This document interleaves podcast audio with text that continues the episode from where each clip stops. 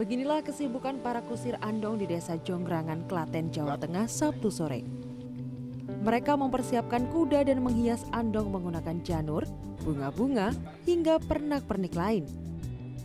Andong-andong ini dihias sebagai persiapan acara tasyakuran ngunduh mantu pernikahan putra Presiden Joko Widodo, Kaisang Pangarep dengan Erina Gudono di Pura Mangkunegaran, Surakarta.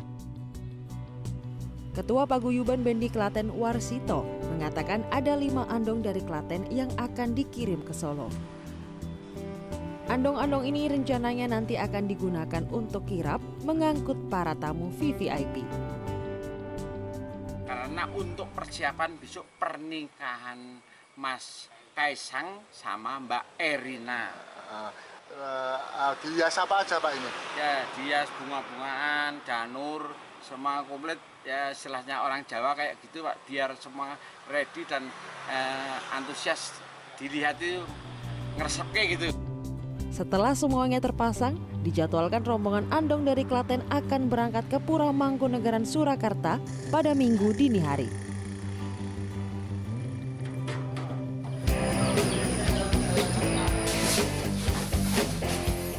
Rasa bangga karena dilibatkan dalam prosesi ngunduh mantu anak presiden juga dirasakan anggota Babin Kamtipmas Polsek Kesugihan Cilacap Aibtu Warsito yang dipercaya menjadi salah satu kusir kereta kuda yang membawa pengantin putra Kaisang Pangarep.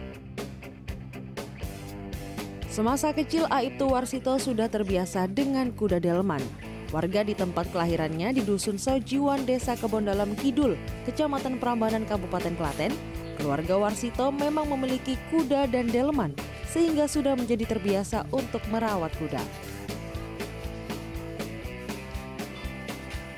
Saya mulai kecil itu sudah belajar berkuda dan memelihara kuda karena itu keturunan dari simbah ataupun bapak dan ibu di Prambanan juga sudah memelihara kuda.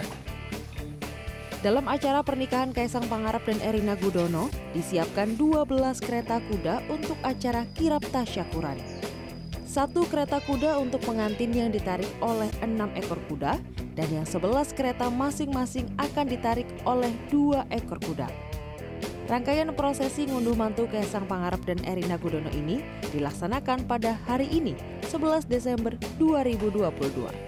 Tim Liputan CNN Indonesia.